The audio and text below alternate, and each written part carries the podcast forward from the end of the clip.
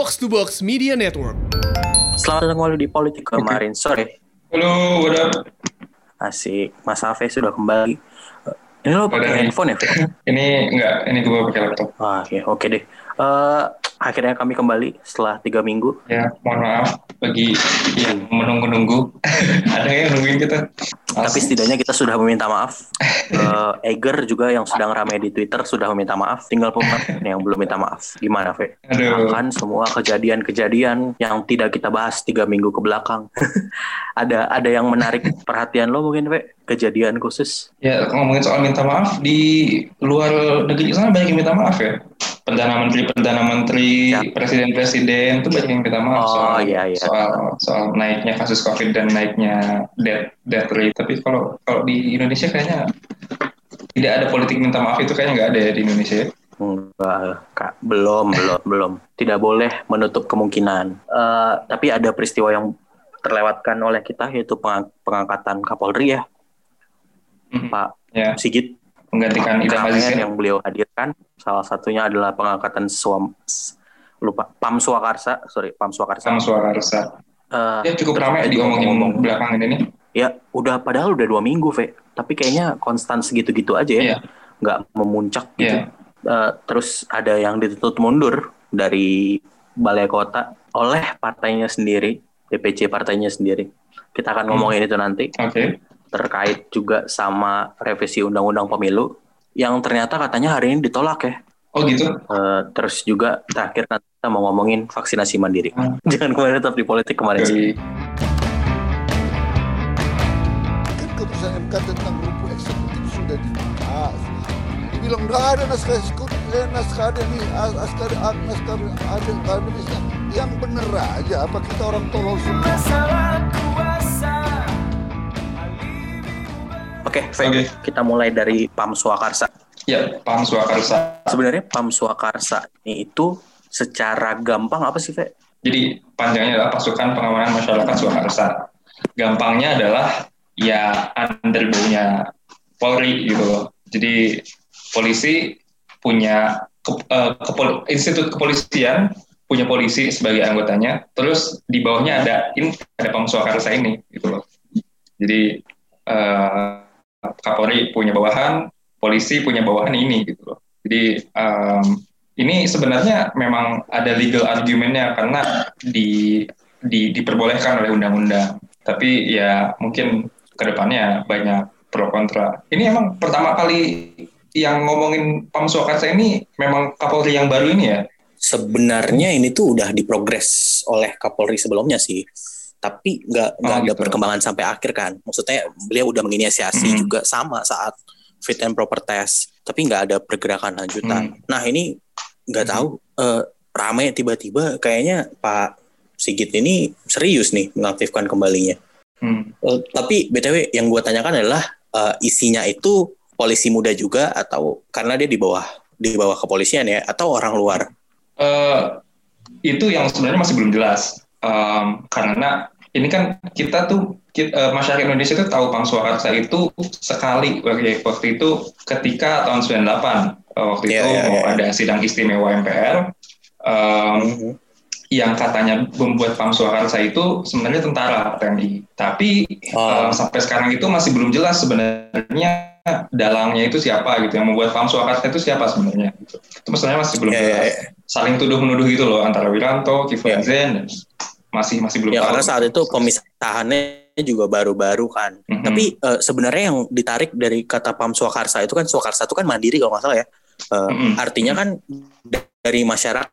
Jadi pengamanan masyarakat oleh masyarakat itu sendiri kan. Berarti ini kayak secara tidak langsung eh, polisi dalam hal ini Kapolri menyatakan niatnya untuk eh, apa ya dibilang ya kayak mengangkat secara resmi ormas-ormas yang selama ini itu Mhm.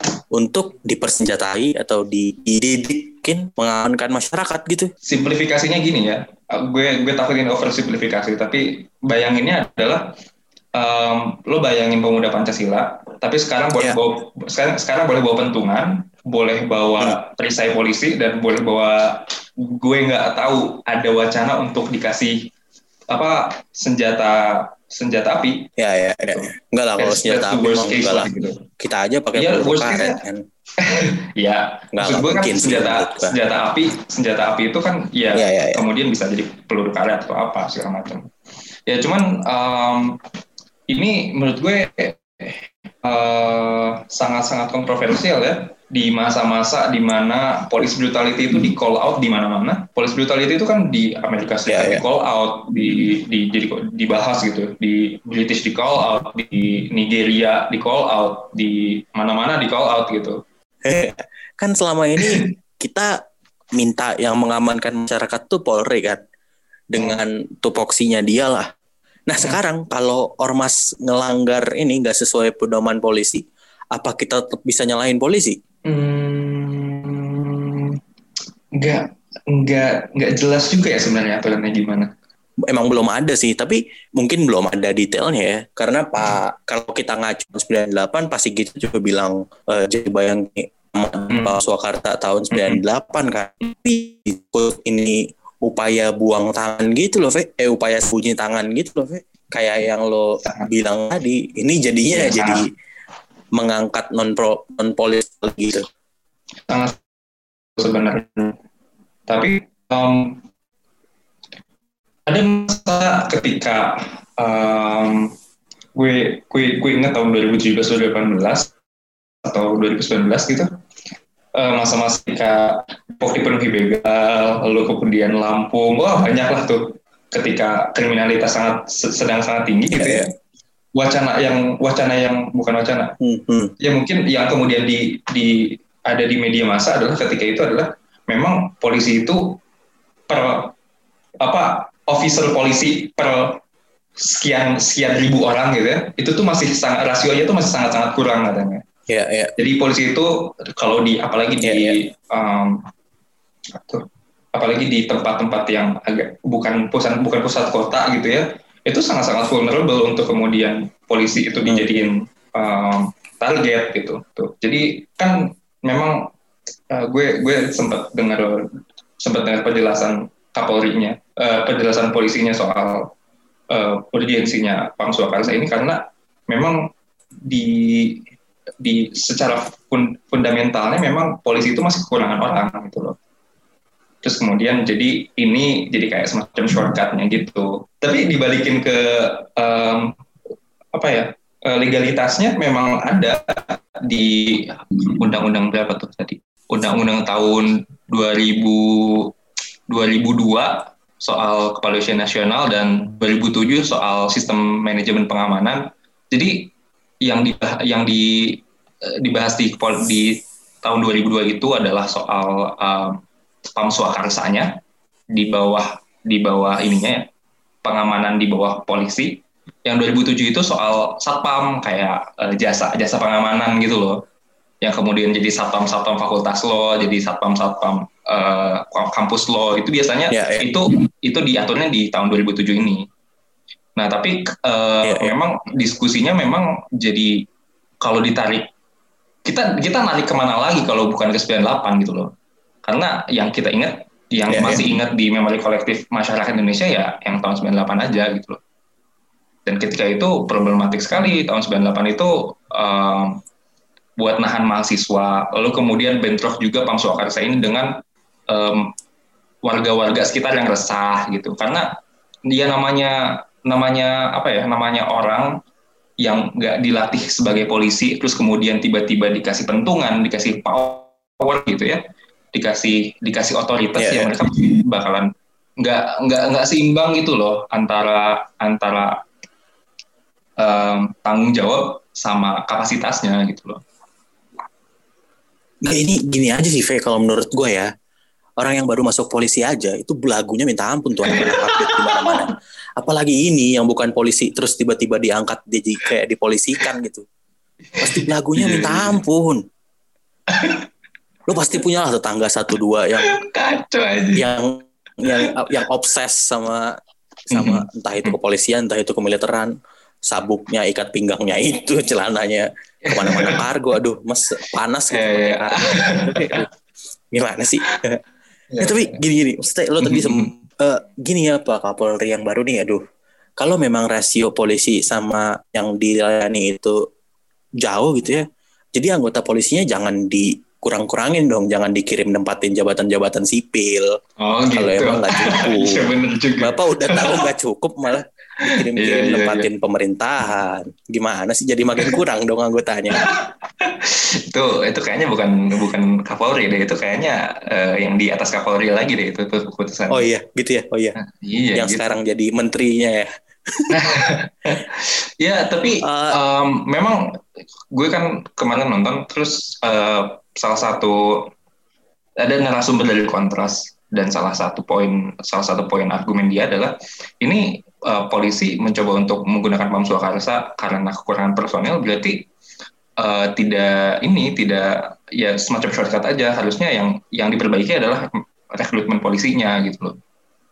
Ya, Ya. kalau rekrutmen polisi aja kita sebagai masyarakat awam tahu sangat-sangat problematik kan ininya eh, Ya, ya, ya. banyak banyak mitos-mitos dan rumor-rumor yang problema- problematik gitu dari situ aja kita udah tahu Ya, kalau ya. kemudian hmm, polisi ini bakalan dipenuhi oleh orang-orang yang mungkin integritasnya bisa dipertanyakan gitu loh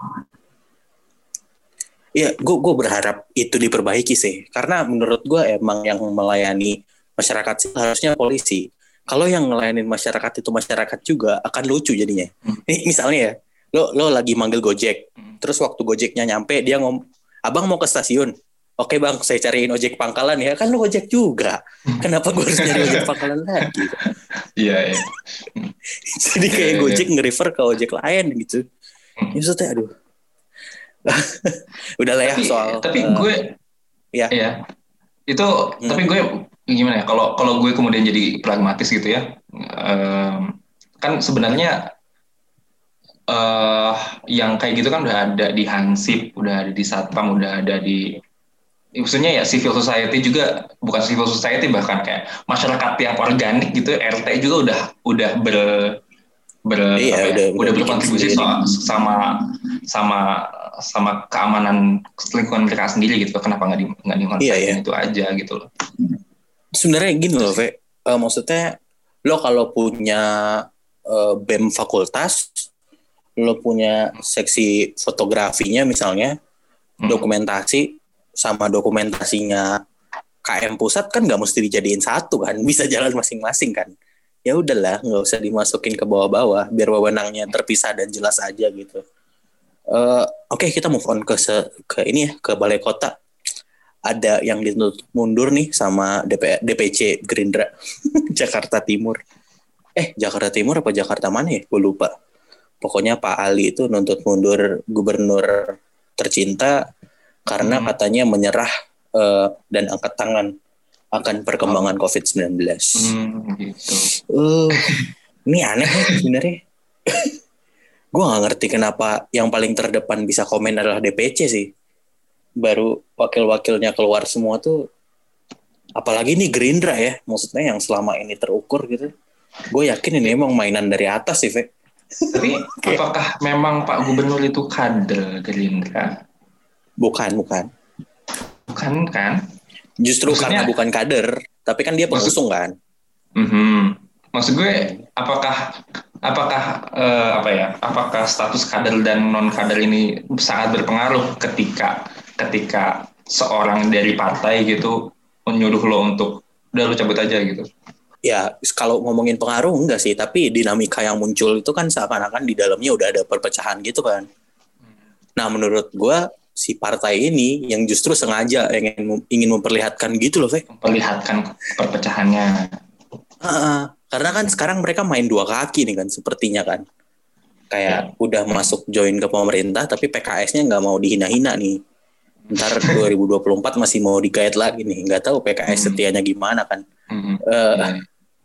Jadi emang sengaja sih kalau menurut gue enggak soalnya gue rasa komunikasi Gerindra itu selama ini bagus loh, Ve. Paling tertata. Mereka Hmm. udah punya peran masing-masing. Gak mungkin nih DPC satu keluar jalur yang lainnya nggak ada yang ikut nih. gue yakin sih. ya Oh, kalau kalau Hmm. itu cuma jadi apa ya gestur itu ya itu gestur kosong tapi kalau kemudian jadi indikasi langkah-langkah yang lain ya itu kemudian mungkin jadi problematik buat Pak Gub yang masih punya dua atau tiga tahun ke depan di Jakarta kan. Hmm, hmm, hmm, 2022 Berapa sih? setahun lagi. 2022 ya setahun lagi. Iya, dua tahun lagi lah ya. Lagi, buset. Enggak lah ini 2021 baru satu tahun satu bulan, Ve. Iya sih, Udah kita buang aja, aja. tetep aja. Tapi oh terkait sama itu sisa waktu Pak Gubernur sepertinya akan sampai 2022 dan dilanjut oleh PLT karena revisi Undang-Undang Pemilu hari ini resmi ditolak. Jadi Eh, masih revisi Undang-Undang Pemilu ini ya masih tetap revisi Undang-Undang Pemilu ini tadinya digagas sebagian partai untuk tetap mengadakan pemilihan daerah di tahun 2022 dan 2023 kan. Hmm. Eh, dan meminta pilkada serentaknya itu diundur aja 2027. Sebenarnya banyak poin-poin menariknya, Ve. Ya, yang gue catat tuh tadi ada mekanisme e-voting tuh diatur di situ. Terus ada threshold DPRD 4%. Terus ada syarat untuk nyalek sekarang DPRD harus 4% itu berarti S1, naik apa turun? Eh, baru dong. Kan DPRD nggak ada threshold selama Oh ini. sebelumnya nggak ada ya? Oh oke, Oke. sip sip sip. sip. Ya, DPR Oh. yang ada threshold kita kan. Eh, ada Mhm. syarat sekarang pendidikan untuk nyalek itu S1 atau D3. Terus sekarang Mhm. ada syarat untuk presiden harus berpartai, eh, yang mana sebelumnya nggak ada. Terus ini yang paling paling paling harus disorot adalah XHTI setara sama PKI sekarang. Di di dalam eh, draft Rancangannya ya, ini dalam rancangannya. Wow. Ya, ya, ya, ya, yang akhirnya ditolak.